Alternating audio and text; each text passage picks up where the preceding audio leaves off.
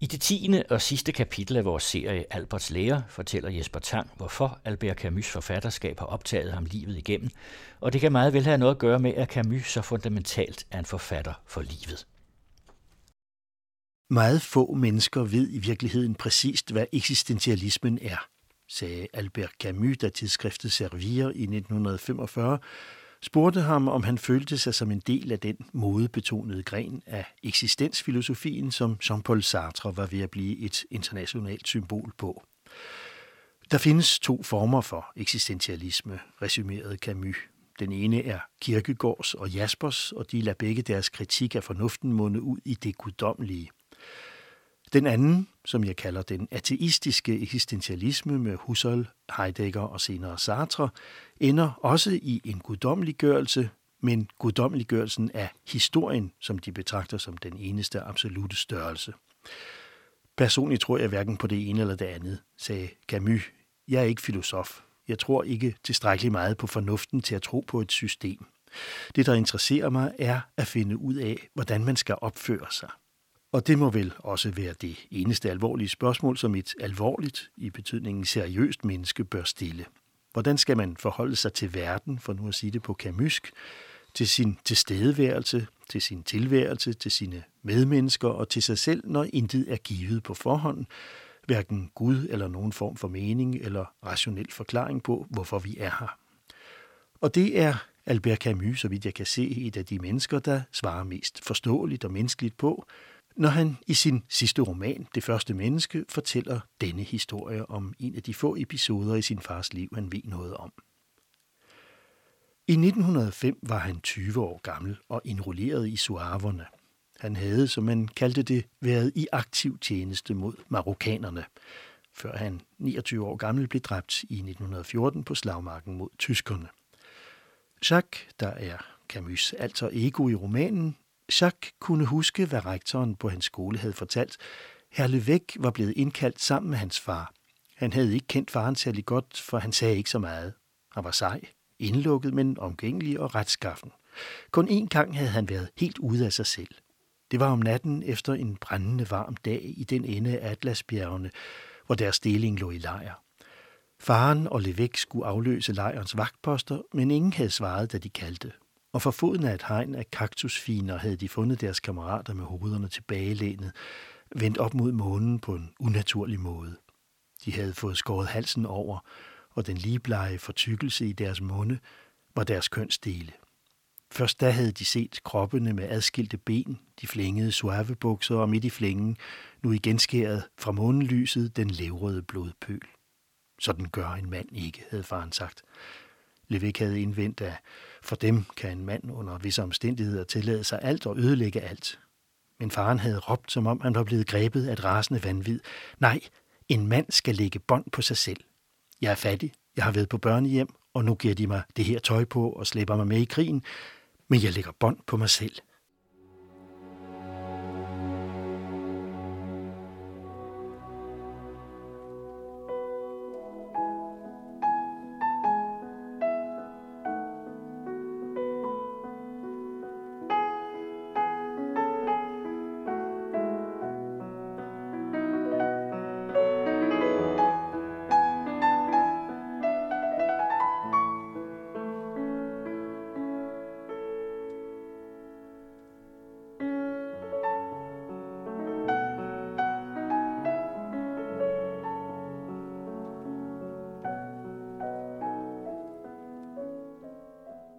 Der findes skærnepunktet, som hele Albert Camus' menneskesyn, snarere en filosofi, drejer omkring. Det er middagstanken, Albert Camus' far på sin egen måde udtaler. Tanken om, at det dybest menneskelige er mådeholdet, evnen til at se, hvor grænsen går. Middagstimen er den, hvor solen står højst, altså den, hvor vi tydeligst kan se, hvor til vi kan gå, hvordan vi kan handle og ikke handle, hvor balancepunktet befinder sig, Nemesis' overhånd over hybris, menneskets over umenneskeligheden, det vil sige over vold, overdrivelse og ødelæggelse. En umenneskelighed, som også er selvfornedrelse, for det højeste af det, Albert Camus kan lære os, er, at mennesker skal og kan være så tilstrækkeligt ansvarlige i omgangen med sig selv og med verden og de andre, at de uden skam kan møde deres ansigt i spejlet om morgenen. Intet er måske mere menneskeligt end lysten til at give efter for raseri, had og hævngærighed, når eksistensens angst breder sig i os som håbløshed, men vores storhed består i at beherske håbløsheden, lægge bånd på hadet. Det har fået mange til lidt ironisk nedladende at kalde Albert Camus for moralist.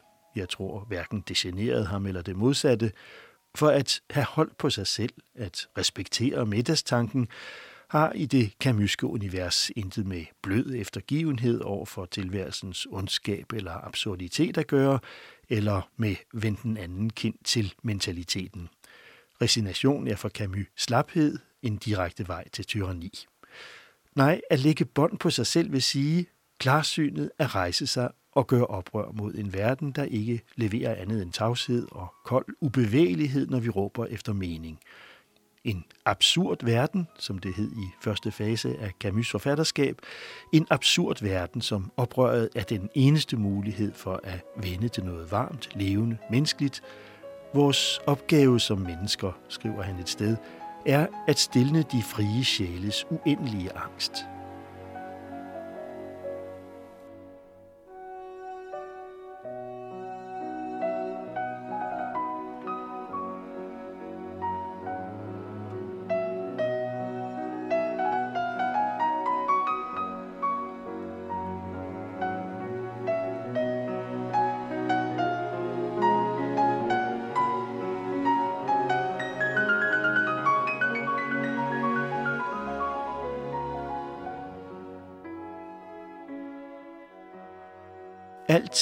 Enkelt. Det er menneskene, der gør tingene indviklede, skrev Camus allerede i et af sine første essay, det der hedder Mellem ja og nej. Og det er viljen til sandhed, der skiller det enkle fra det indviklede, evnen eller viljen til at bruge middagslysets klarhed til at se tingene, som de er, ikke som vi af den ene eller den anden grund helst vil have dem til at se ud. For ikke alene snyder vi ved at gøre det sidste os selv for mødet med virkeligheden og muligheden for oprøret, men løgn avler som bekendt med næsten matematisk nødvendighed ny løgn, og det fører bort fra virkeligheden ind i søforklaringer, abstraktion, dogmer og ideologi. Og skal man endelig tale moral i de løftede pegefingers forstand, så er løgnen vel også det mest respektløse, man kan møde både sine medmenneskers og sin egen menneskelighed med, fordi det er det stik modsatte af, hvad man er. Ingen kan naturligvis sige sig fri for at kende situationen eller have været på vej ind i ideologiens, religionens eller institutionaliseringens trædemølle, men man træder alligevel varsommere efter at have læst Camus. Hvordan kan man til gengæld være sikker på, at man er i sandheden, spørger Camus flere steder. Og det kan man næsten aldrig være, for sandheden er et relativt begreb, mener han også. Men man kan begynde med, som han sagde i sin Nobelpristale, ikke at lyve om det, man ved, og så kan man, som journalisten Camus, sætte en ære i at verificere det, man får at vide, og endelig, ja, så kan man, når man ikke er sikker på sandt og falsk, med en meget kamusk formulering være onet, ærlig, opføre sig som et hederligt menneske, for det ved alle inderst inde godt, hvad er. Mere kompliceret er det altså ikke. Camus' moral er hverken mere eller mindre en fundamental humanistisk sund fornuft. Det særlige ved ham er, at han er kompromilløs i sin respekt for den, og for alt i verden afstår fra at besmykke den med netop indviklede tankesnirkler. Hvor har vi vores meninger fra? Hvorfor føler vi, at det ene eller det andet er rigtigt eller forkert? Man kan selvfølgelig henvise til bøger og tankesystemer, men inden dem er der sansninger og oplevelser, og tit har jeg svært ved at skille ud, hvornår det er Camus, der fik mig til at tænke eller mene det ene eller det andet, og hvornår jeg holder så meget af Camus, fordi han formulerer en mening, en intuition, der var der på forhånd. Hans overbevisning om den gudløse verden mødte i mig en allerede bundfæstet ateisme, ligesom jeg hos Camus fandt udtryk for en tilbøjelighed, jeg stadig har til instinktivt altid at holde med den svageste, men til gengæld også slipper ham, hvis han går hen og bliver stærk eller dogmatisk. Også min tro på kontrakten som den eneste respektfulde måde at omgås på for mennesker, både i familien, vennekredsen og ude i samfundet, som man siger, fik jeg bekræftet hos Camus, der sikkert af samme grund i øvrigt pludselig kunne forvandle sig til Albert i min bevidsthed. men kun der selvfølgelig, for man kan jo ikke gå rundt og sige Albert om et fremmed menneske, som var man bondkammerat med ham. Men da jeg kom til at tænke på den vemmelse, Camus følte ved alt, hvad der hedder mondanitet og parisisk hovmod og intellektuel opstyltethed, og hans tilsvarende glæde, når han mødte sine venner i den libertære arbejderbevægelses forsamlingshuse, blev jeg enig med mig selv om, at det i virkeligheden var en hædersbevisning ikke at tale om Albert Camus' filosofi, men om Alberts lære.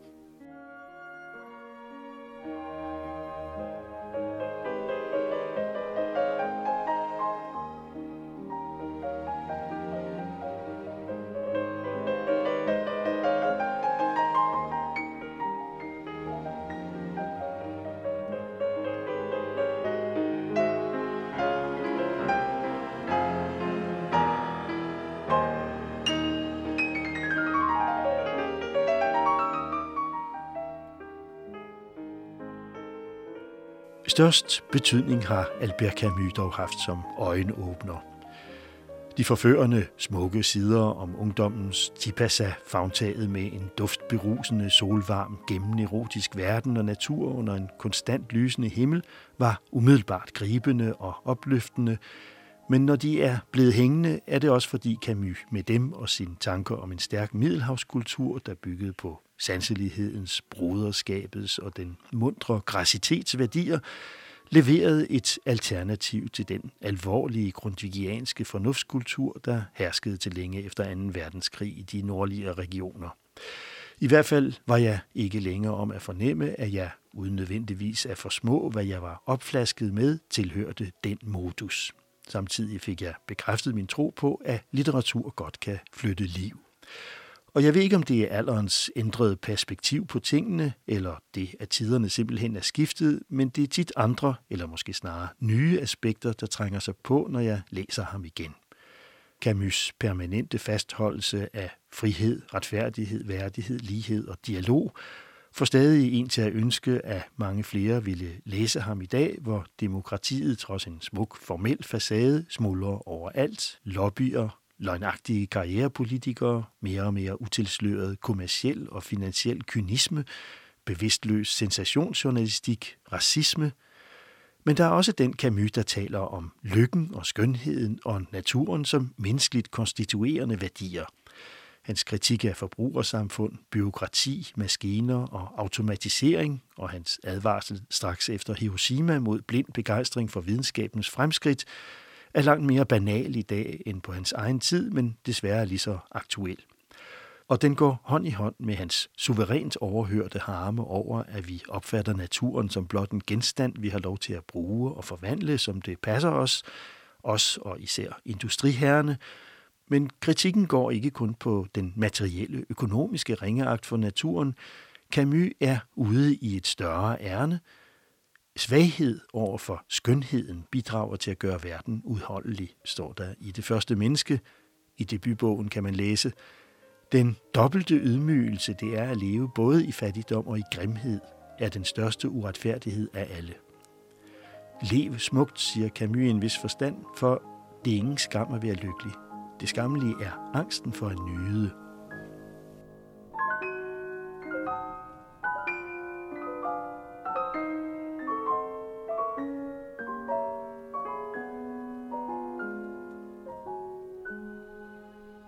At forstå verden er at skære den ned til det menneskelige, står der i Sisyfos-myten.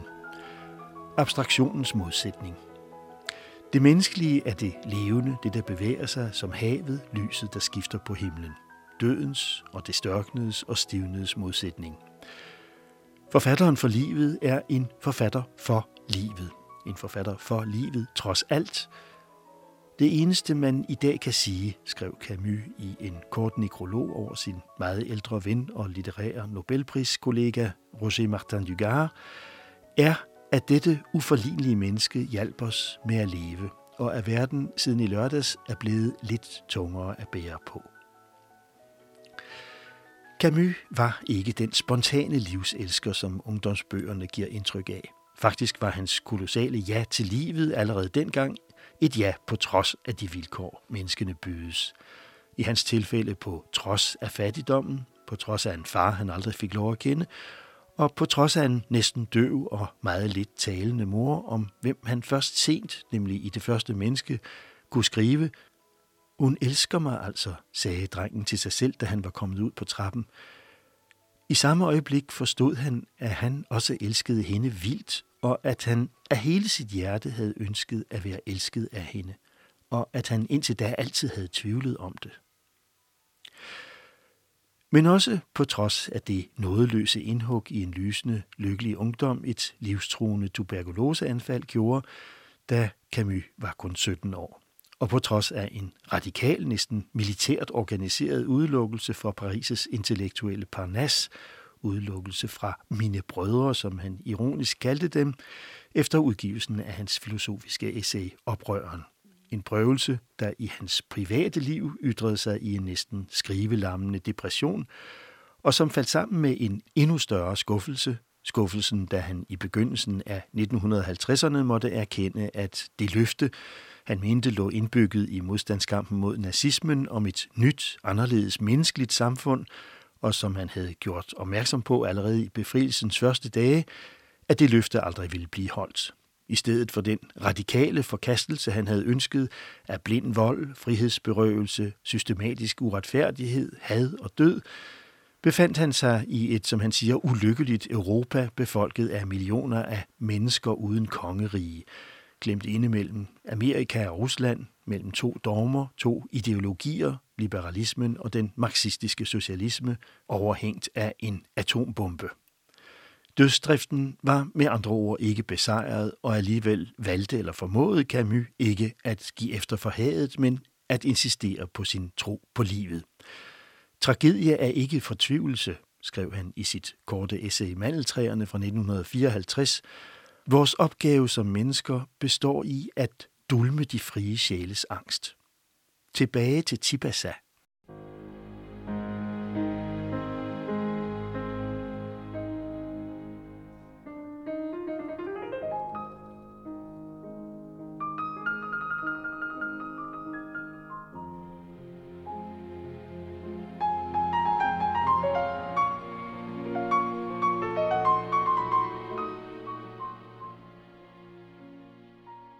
Naturligvis er det det rene vanvid at vende tilbage til ungdommens steder og ville genopleve som 40-årig, hvad man elskede og fandt så dyb nydelse ved som 20-årig, skriver Camus i det essay, der direkte hedder Tilbage til Tipasa.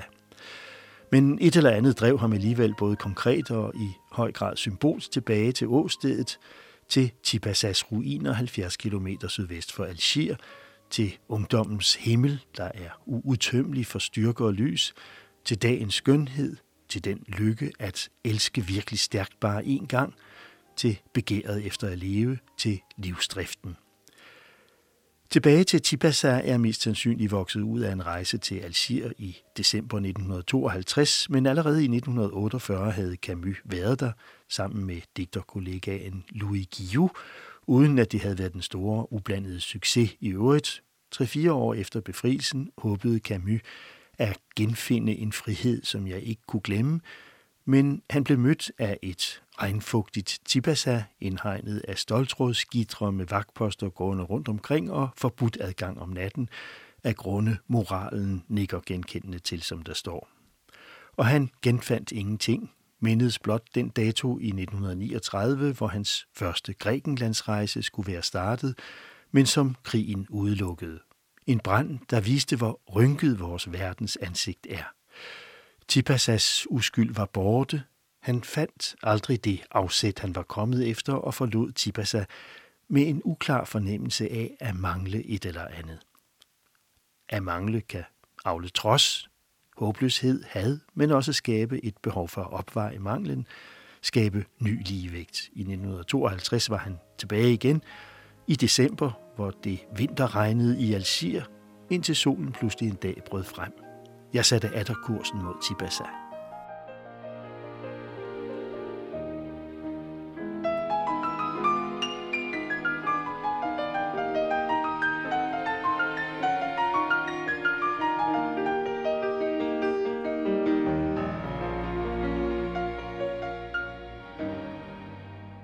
Det pragtfulde decemberlys fandt jeg nøjagtigt, hvad jeg var kommet efter. Morgenen stod ligesom stille. Det virkede som om solens gang var stanset på ubestemt tid. Jeg kunne i mit indre høre en lyd, jeg næsten havde glemt, som om mit hjerte var stanset for længe siden, og pludselig lige så stille begyndte at slå igen. Som om jeg om sider var nået i havn igen.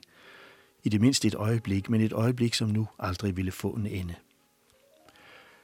Men selvfølgelig sætter elementerne i bevægelse igen. Ved frokosttid står han og ser ud over havet og slukker, som han skriver, de to former for tørst, som man ikke kan overhøre ret længe, før ens hele væsen tørrer ind. Jeg mener, behovet for at elske og for at beundre. For det er kun et uheld, hvis ingen elsker en, men en ulykke, hvis man ikke elsker, og den ulykke er vi alle sammen ved at omkomme af i dag.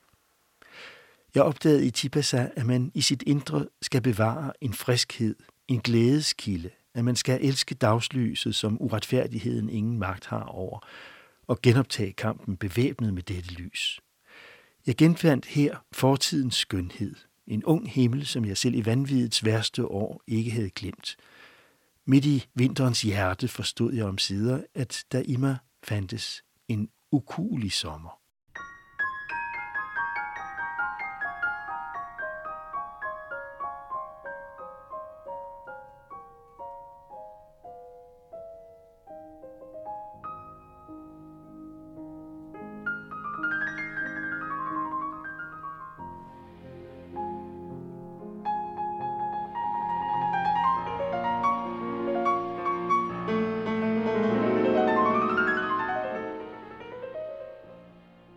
Malgré tous mes aveuglements, j'ai toujours su au contraire que les ruines de Tipaza étaient plus jeunes que nos chantiers et nos décombres. J'ai toujours su aussi que la mer existait, et c'est pourquoi j'ai vécu au milieu de ce temps mortel. De même, dans ce que je n'ose encore appeler mon œuvre, il me semble qu'on peut aisément apercevoir ces deux forces, même et peut-être surtout lorsqu'elles se contrarient. Min forblindelse til trods har jeg altid vidst, at Tipasas ruiner var yngre end både vores byggepladser og vores brandtomter. Jeg har også altid vidst, at havet eksisterer. Det er grunden til, at jeg har levet videre midt i denne grusomme ære. I det, jeg endnu ikke tør kalde mit værk, tror jeg let, at man kan få øje på de to kræfter, havet og krigen, og måske især, når de er op imod hinanden. Jeg har ikke kunnet glemme det land, det lys, jeg er født i, men jeg har heller aldrig glemt undertrykkelsen i vores tid. Det ville være alt for let over for Tipasas blide navn at stille andre navne, der klinger både højere og grusommere.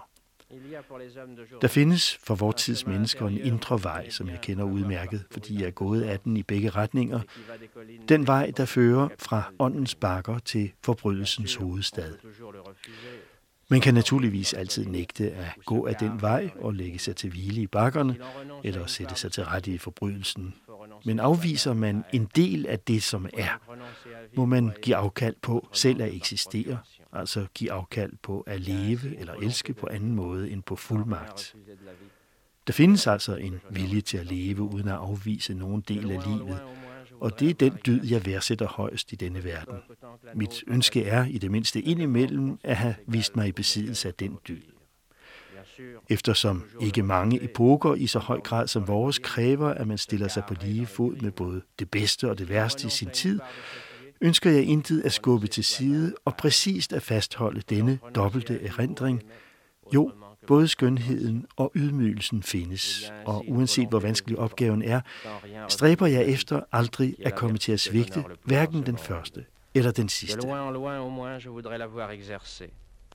Peu d'époque autant que la nôtre après tout ne demande qu'on se fasse égal au meilleur comme au pire. J'ai toujours souhaité justement ne rien éluder et garder exact une double mémoire.